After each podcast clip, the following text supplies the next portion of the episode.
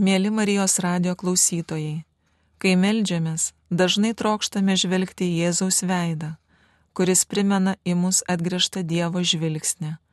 Evangelijoje pagal Joną 12 skyriuje 21 eilutėje rašoma, norėtume pamatyti Jėzų. Toks prašymas, kuriuo jie paštalą pilypą kreipėsi keletas graikų, atvykusių į Jeruzalę švęsti Velykų, krikščioniško pašaukimo pradžioje dvasiškai skambėjo ir mūsų ausise. Mūsų laikų žmonės, kaip ir anie piligrimai prieš du tūkstančius metų, prašo, kartais nesamoningai, šiandienių tikinčiųjų ne tik kalbėti apie Kristų, bet ir tam tikrą prasme jį jiems parodyti. Ir argi bažnyčia neragavusi užduoties atspindėti Kristaus šviesą kiekvienoje istorijos epochoje, laidoti, kad jo veidas šviestų ir trečiojo tūkstantmečio kartoms. Tačiau mūsų liūdėjimas bus beviltiškai varganas, jeigu pirmą patys neįsimastysime į jo veidą. Didysis jubiliejus mums tikrai padėjo tai patirti giliau. Jubiliejaus pabaigoje grįždami į prastinio gyvenimo kelią, ir saugodami širdise šiuo ypatingu laikotarpiu išgyventą patirtį, savo žvilgsnį esame labiau negu kada nors anksčiau įsmeigiai viešpatės veidą. Evangelijų liūdimas, įsimastant į Kristaus veidą, neišvenginai būtina remtis tuo, kas apie jį sakoma nuo pradžios lygi galo jos lėpiniu persisėmusiame šventajame rašte, slėpingai užsimenant seminajame testamente ir visiškai atidengiant Naujajame testamente, taip kad šventasis Jeronimas gali ryštingai pasakyti, nepažinti raštų vadinasi nepažinti paties Kristaus.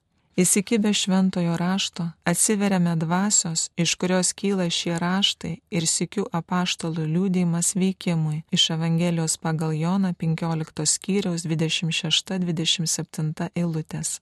Pastarieji gyvai patyrė Kristų, gyvybės žodį, matė jį savo akimis, girdėjo savo ausimis ir lietė savo rankomis. Per jų tarpininkavimą mus pasiekė tikėjimo vizija, pagrista tiksliu istoriniu liūdėjimu, tikrų liūdėjimu, kurį Evangelijos, nepaisant jų sudėtingos redakcijos bei pradinės katechetinės paskirties, perteikė visiškai patikimai.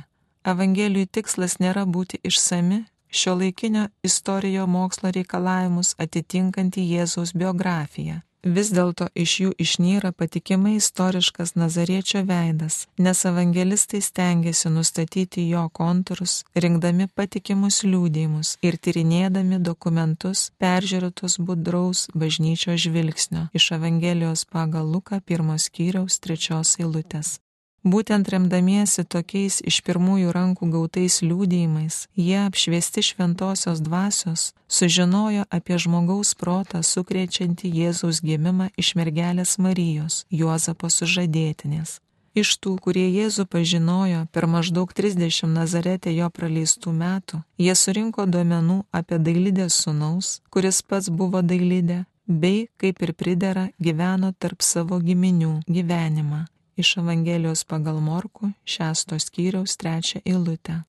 Apaštalai atkreipė dėmesį į jo maldingumą, paskatinusi Jėzų leisti su savaisiais piligriminėn kelionėn į Jeruzalės šventyklą ir tapti nuolatiniu savo miesto sinagogos lankytoju iš Evangelijos pagal Luką antros skyriaus 41 eilutė duomenys pasidaro išsamesni, nors ir nevirsta darniu bei detaliu pasakojimu, ėmus kalbėti apie viešosios tarnybos laikotarpį, prasidedantį tada, kai jaunąjį galilyjėti Jordano upėje pakrikštyje Jonas Krikštytojas sustiprintas liūdėjimo iš aukštybių ir įsisamoninęs, jog yra mylimasis sunus, Jėzus ima skelbti ateinant Dievo karalystę, kurios reikalavimus bei galę perteikia malonės bei gailestingumo žodžiais ir ženklais iš Evangelijos pagal Luką 3 skyriaus 22 eilutė.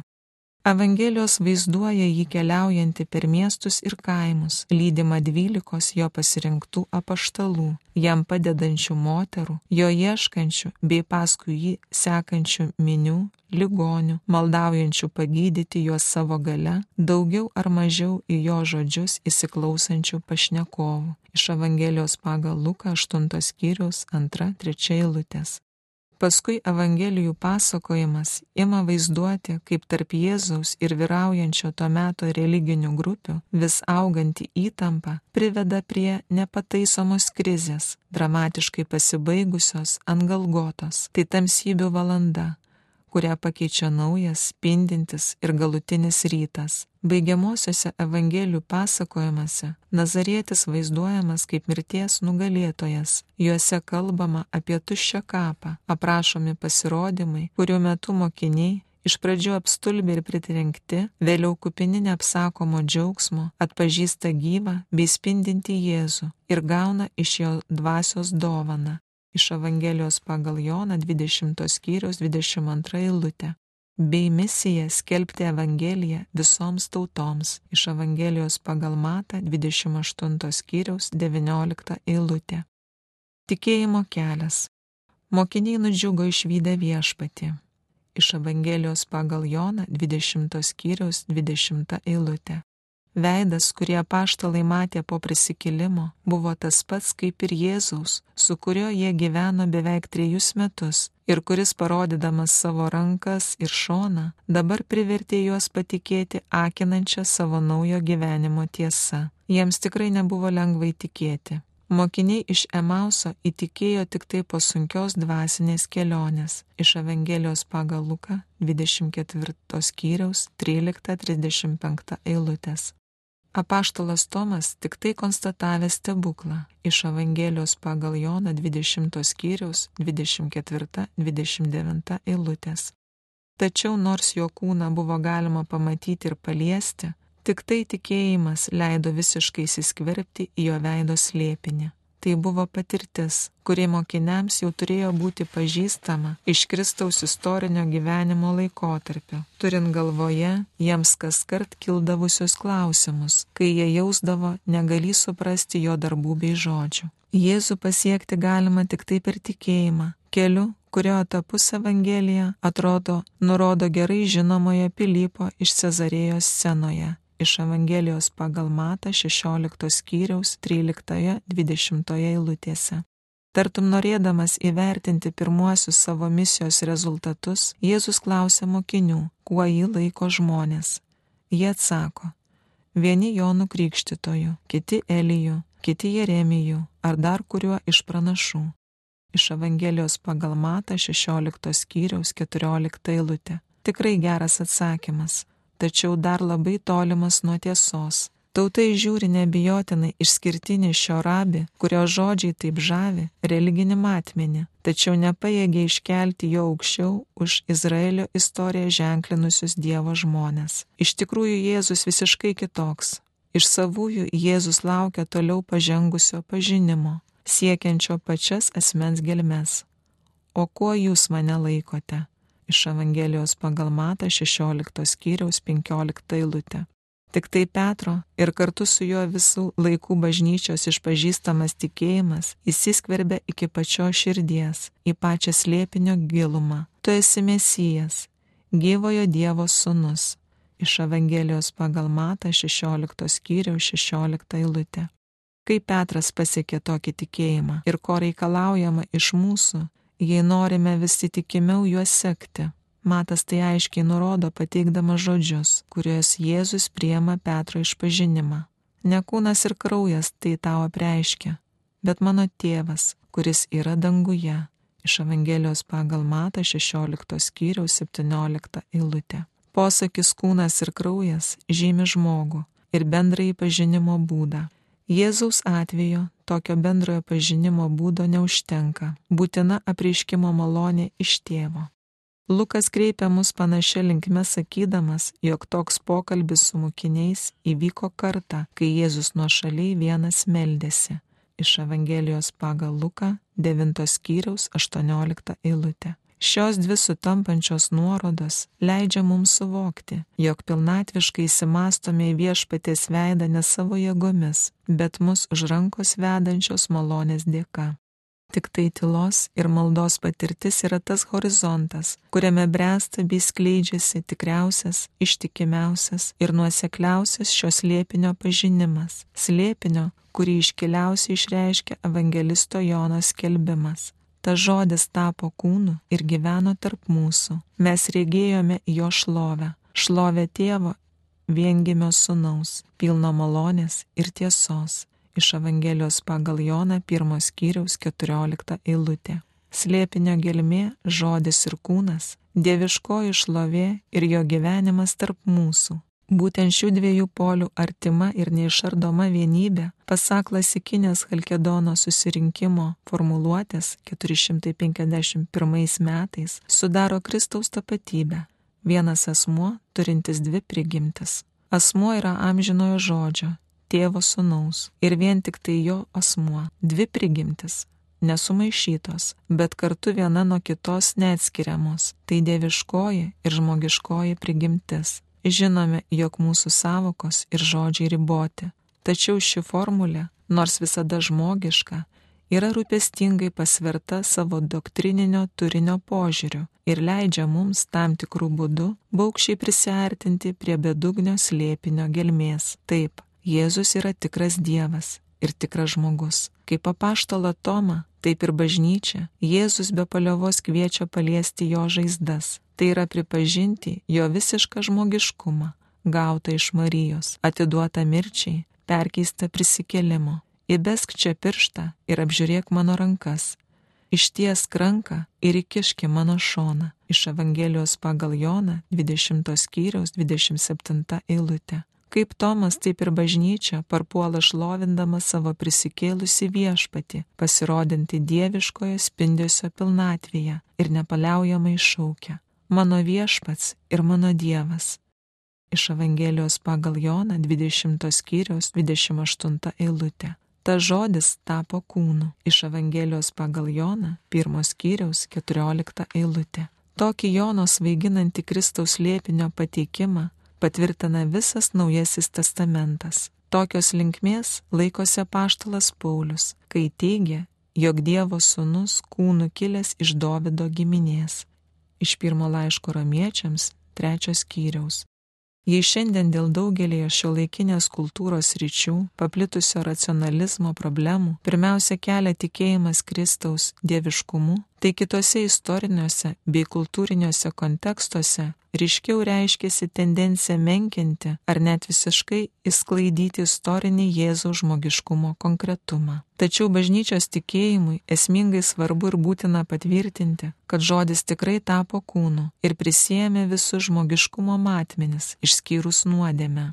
Iš laiško žydams ketvirtos skyriaus penkiolikta eilutė. Šioje perspektyvoje įsikūnymas iš tiesų yra kenozė, savęs apiplėšimas, Dievo sūnus atsisako nuo amžių jam priklausančios garbės. Kita vertus, toks Dievo sūnaus nusižeminimas nėra tikslas pats savaime. Priešingai, jis nukreiptas į visišką Kristaus išaukštinimą, netmetant ir jo žmogiškumo. Todėl ir Dievas jį išaukštino ir padovanojo jam vardą, kilniausiai iš visų vardų, kad Jėzaus vardui priklauptų kiekvienas kelias danguje, žemėje ir po žemė, ir kiekvienos lūpos Dievo tėvo šloviai išpažintų. Jėzus Kristus yra viešpats. Iš laiško filipiečiam antros skyriaus 9-11 eilutės. Tavo veido viešpatė aš ieškaus. 27 psalmė 8 eilutė. Psalmininko šio seno troškimo niekas negalėjo geriau ir įstabiau išpildyti nei įsimastymas į Kristaus veidą. Jame Dievas tikrai mus palaimino ir leido, kad jo veidas mums šviestų. Sikiu, būdamas Dievas ir žmogus, jis atskleidžia ir autentišką žmogaus veidą. Pačiam žmogui pilnatviškai parodo, kas yra žmogus Jėzus yra naujas žmogus, kviečiantis atpirktąją žmoniją dalytis jo dieviškuoju gyvenimu. Iš laiško fiziečiam ketvirtos skyriaus 24 eilutė. Įsikūnymo slėpinyje padedami pagrindai antropologijai, kuri gali įveikti savo pačios ribas bei prieštaravimus, judėdama Dievo sudėvinimo tikrojo tikslo link per atpirktojo žmogaus įleidžiamo į vidinį trejybės gyvenimą įjungimą į Kristų. Tėvai dažnai pabrėždavo šį soterologinį įsikūnymo slėpinio matmenį tik tai dėl to, kad Dievo Sūnus tikrai tapo žmogumi, žmogus gali jame ir per jį iš tiesų tapti Dievo Sūnumi. Sūnaus veidas. Ši dieviškoji ir žmogiškoji tapatybė energingai išnyra iš Evangelijų, teikiančių nemažai elementų, leidžiančių mums įžengti į ribinę zoną slėpinio, kuris yra Kristaus savimonė. Bažnyčia nebejoja, kad savo pasakojimuose evangelistai, įkvėpti Dievo, iš Jėzaus pasakytų žodžių teisingai suprato jo asmens ir savivokos tiesą. Argi ne taip nori pasakyti Lukas, pertikdamas pirmuosius dvylikamečio Jėzaus žodžius Jeruzalės šventykloje. Jėzus atrodo jau tada suvokė savo nepakartojamą santyki su Dievu, būtent sunaus santyki. Iš tiesų motinai sakančiai, su kokiu sielvartu ji ir Juozapas jo ieškojo, Jėzus nesviruodamas atsako, kamgi manęs ieškojote? Argi nežinojote, kad man reikia būti savo tėvo reikaluose? Iš Evangelijos pagal Luką antros skyriaus 49 eilutė. Todėl nieko nuostabaus, kad subrendus jo kalba vienaprasmiškai išreiškia jos lėpinio gelmę. Tai daug kur pabrėžia sinoptinės Evangelijos ir pirmiausia evangelistas Jonas iš Evangelijos pagal Matą 11 skyriaus 27 eilutė ir iš Evangelijos pagal Luką 10 skyriaus 22 eilutė. Apie tai, kuo jis save laiko, Jėzus nesviruodamas pareiškė, tėvas manyje ir aš jame. Nors ir leistina manyti, kad dėl žmogiškosios būklės, kurios dėka Jėzus augo išmintimi metais ir malonė, jo žmogiškasis savojo slėpinio suvokimas irgi didėjo lygi jo išaukštinto žmogiškumo pilnatviškos išraiškos. Sikiu nėra abejonių, kad Jėzus jau savo istorinės egzistencijos metu suvokė esąs Dievo sūnus iš Evangelijos pagal Luką antros skyriaus 52 eilutė. Jonas net pabrėžtinai teigia, jog Jėzus dėl to galiausiai buvo atmestas ir pasmerktas. Jie ieškojo progos jį nužudyti, nes jis ne tik nepaisydavo šabo, bet ir vadino Dievą savoju tėvu, šitaip lygindamas save su Dievu iš Evangelijos pagal Joną 5 skyriaus 18 eilutę. Per Getsemanės ir Galgotos įvykius žmogiškoji Jėzaus sąmonė patyrė didžiausią išbandymą. Vis dėlto kančios ir mirties dramai nepavyko išjudinti jo romaus tikrumo, kad jis yra dangiškojo tėvo sunus. Kančios veidas Įsimastydami į Kristaus veidą, prieartėjame prie paradoksiškiausio Kristaus lėpinio aspekto, išnyrančio jo paskutinę valandą - kryžiaus valandą. Slėpinys slėpinėje, kurio akivaizdoje žmogus te gali šlovindamas parpulti. Prieš akis praslenka įtampos kupinas alyvų sodo epizodas. Jėzus, slegiamas jo laukiančio išbandymo ir pasilikęs vienas priešais Dievą, šaukėsi jo įprastiniu, švelnaus pasitikėjimo kupinu balsu - Aba, tėve. Jis prašo jo atitolinti, jei galima, kančios taurę. Iš Evangelijos pagal Morku 14 skyriaus 36 eilutė. Tačiau tėvas atrodo nenori išgirsti savo sunaus balso. Kad gražintų žmogui savo tėvo veidą, Jėzus turėjo ne tik prisimti žmogaus veidą, bet ir užsidėti nuodėmės veidą, Pasak Pauliaus, tą, kuris nepažino nuodėmės, jis dėl mūsų pavertė nuodėmę, kad mes jame taptume Dievo teisumu. Niekada iki galo neištirsime šios lėpino bedugnės gelmės. Visus markumus šį paradoksą išryškina Jėzaus, regis nevilties pilnas skausmingas šauksmas ant kryžiaus - Elauk, Elauk, Lema, Sabachtani. Tai reiškia mano Dieve, mano Dieve, kodėl mane atleidai iš Evangelijos pagal Morku 15 skyriaus 34 eilutė. Ar įmanoma įsivaizduoti dar didesnę kančią, labiau nepermatomą tamsą? Šis baimės kupinas kodėl, kartu su 22 psalmės pirmaisiais žodžiais, kreipiamas į tėvą ir išlaikantis visą neapsakomą skausmo realizmą. Iš tiesų įma iškėti visos maldos šviesoje, maldos, kurioje psalmininkas jaudinantį jausmų derinį sujungia kančią ir pasitikėjimą. Psalmė toliau tęsia žodžiai. Tavimi mūsų protėviai rėmėsi, jie pasitikėjo ir tu juos gelbėjai. Nesitolink nuo manęs, nes man sunku ir nėra, kas man padėtų. 22 psalmės 5-12 eilutės. Brangieji broliai ir seserys, Jėzaus šauksmas ant kryžiaus išreiškia nevilties netekusiojo baimę, bet sunaus iš meilės aukojančio tėvui savo gyvybę, kad visi būtų išganyti maldą. Tuo metu, kai Jėzus įsitapatina su mūsų nuodėme, jis tėvo paliktas pasilieka tėvo rankose. jo akis lieka nukreiptos į tėvą. Būtent dėl tėvo pažinimo bei patirties, turimų tik tai jo vieno, Jėzus aiškiai mato nuodėmės sunkumą ir už tai kenčia. Tik tai jis, matą savo tėvą ir dėl to išgyvenas džiaugsmo pilnatvę, gali visiškai suprasti, ką reiškia nuodėmė priešintis tėvo meiliai. Pirma ir daugiau negu kūnas neapsakomai kenčia jo sielą. Teologinė tradicija visuomet klausdavo, kaip Jėzus vienu metu galėjo išgyventi gilę vienybę su savo tėvu, kuris savo pačia prigimtimi yra džiaugsmo bei palaimos versmė ir agonija lygia pleistumo šauksmo, Abiejų šių regimai nesuderinamų matmenų vienalaikis buvimas šaknyjasi neišmatuojamoje hipostazinės vienybės gelmėje.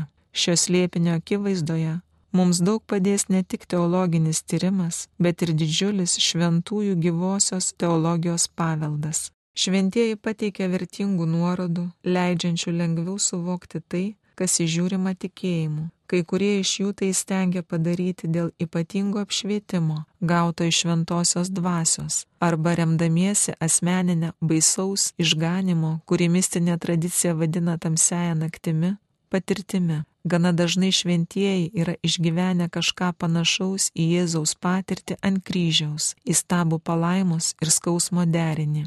Knygoje Dieviškosios apvaizdos dialogas Dievas tėvas parodo Kotrynai senietiai, kaip šventųjų sielos gali vienu metu džiaugtis ir kentėti. Siela jaučia palaimą ir kenčia. Įkenčia dėl artimo nuodėmių. Jaučia palaimą dėl vienybės ir gautosios meilės. Palaima ir kančia jis sekina kaltuoju avinėliu, vienatiniu mano sunumi, kuris ant kryžiaus jautė palaimą ir kentėjo. Panašiai ir Teresė Lizietė išgyveno savo agoniją kartu su Jėzumi, patirdama palaimingo ir baimės apimto Jėzaus paradoksą. Mūsų viešpats alyvų sodelėje mėgavosi visais trejybės džiaugsmais, tačiau jo agonija buvo nemažiau žiauri. Tai slėpinys, tačiau noriu patikinti, jog aš apie tai šitą suprantu iš to, ką pati patyriau. Koks iškalbingas liūdėjimas Negana to, pačiu evangelistų pasakojimai teikia bažnyčiai pagrindą suvokti tai, ką jautė Kristus, primindami, jog Jėzus net skausmo bedugnėje mirties valandą maldavo atleidimo savo skriaudėjams ir parodė savo didžiausią sūniškai atsidavimą tėvui. Tėve, į tavo rankas atiduodu savo dvasę. Iš Evangelijos pagal Luką 23 skyriaus 34 ir 46 eilutės prisikėlusiojo veidas. Kaip didįjį penktadienį ir didįjį šeštadienį, taip ir toliau bažnyčia be paliovos įsimasto į šį krūviną veidą, slepinti Dievo gyvenimą ir siūlanti pasauliui išgelbėjimą. Tačiau įsimastant į Kristaus veidą, negalima apsiriboti vien nukryžiuotojo atvaizdu. Jis yra prisikėlusysis. Jei taip nebūtų, tuščias būtų mūsų skelbimas ir tuščias mūsų tikėjimas iš pirmo laiško korintiečiam 15 skyriaus 14 eilutės. Į jo klusnumą tėvas atsakė prikelimu. Apie tai primena laiške žydams. Savo žemiško gyvenimo dienomis, garsiai šaukdamas ir lėdamas ašaras, jis siuntė prašymus ir maldavimus tam, kuris galėjo jį išgelbėti nuo mirties ir buvo išklausytas dėl savo pagarbios baimės. Būdamas sunus, jis savo kentėjimuose išmoko klusnumo ir pasidaręs tobulas visiems, kurie jo klauso tapo amžinojo išganimo priežastimi. Būtent į prisikėlusi Kristų savo akis dabar kelia bažnyčia. Ji tai daro sekdama pėdomis Petro, kuris įsižadėjęs Jėzaus liejo ašaras, bet paskui vėl pajudėjo savo keliu, su suprantamu baiminimusi išpažinęs Kristui savo meilę. Tu žinai, kad tave myliu iš Evangelijos pagal Joną 21 skyriaus 15-17 eilutės. Įžengė kartu su Pauliumi, kuris su Kristumi susitiko kelyje į Damaską ir buvo tartum nutrenktas žaibo. Mano gyvenimas tai Kristus, o mirtis tai laimėjimas. Iš laiško Filipiečiam pirmos skyriaus 21 eilutės. Praėjus dviem tūkstančiams metų po šių įvykių, bažnyčia juos išgyvena taip, tartum jie būtų atsitikę šiandien, Kristaus veide ji sužadėtinė mato savo lobį, savo džiaugsmą. Koks saldus Jėzaus atminimas, tikro širdies džiaugsmo versmė. Stiprinama tokios patirties, bažnyčia šiandien vėl leidžiasi į kelią skelbti Kristų pasauliui trečiojo tūkstantmečio pradžioje. Jėzus Kristus yra tas pats vakar ir šiandien, tas pats ir per amžius, iš laiško žydams 13 skyriaus 8 eilutės. Viešpats visais laikais nešė tiesą apie save, apie mus ir apie pasaulį. Tiesa labiausiai žėri ant kryžiaus medžio. Ja atpažįstame nukryžiuoto Kristaus veide. Tačiau ši tiesa ragina atsiliepti. Gyvename laikais, kai gana skeptiškai žvelgiama į tiesą.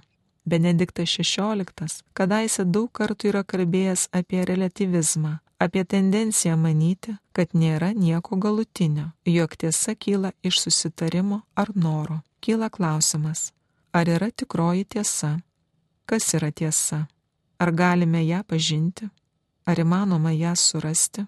Romos prokuratorius Poncijus Pilotas, kai Jėzus jam paaiškino gilėje savo misijos prasme, paklausė, kas yra tiesa. Iš Evangelijos pagal Joną 18 skyriaus 37-38 eilutės. Pilotas negeba suprasti, kad tiesa stovi prieš jį, neįstengia Jėzuje išvelgti tiesos veido, kuris yra Dievo veidas. O Jėzus būtent yra tiesa, kurie atėjus laiko pilnatviai tapo kūnu, apsigyveno tarp mūsų, kad mes ją pažintume. Iš Evangelijos pagal Joną, pirmos skyriaus, pirma keturiolikta eilutės. Tiesos neįmanoma paimti kaip daikto, ją reikia sutikti. Neįmanoma tiesos užvaldyti. Ji yra susitikimas su asmeniu, kas įgalina mus pažinti, kad Jėzus yra tiesos žodis, viengimis Dievo tėvo sunus. Šventasis Paulius moko, jog ne vienas negali ištarti Jėzus yra viešpats, jei šventoji dvasia nepaskatina.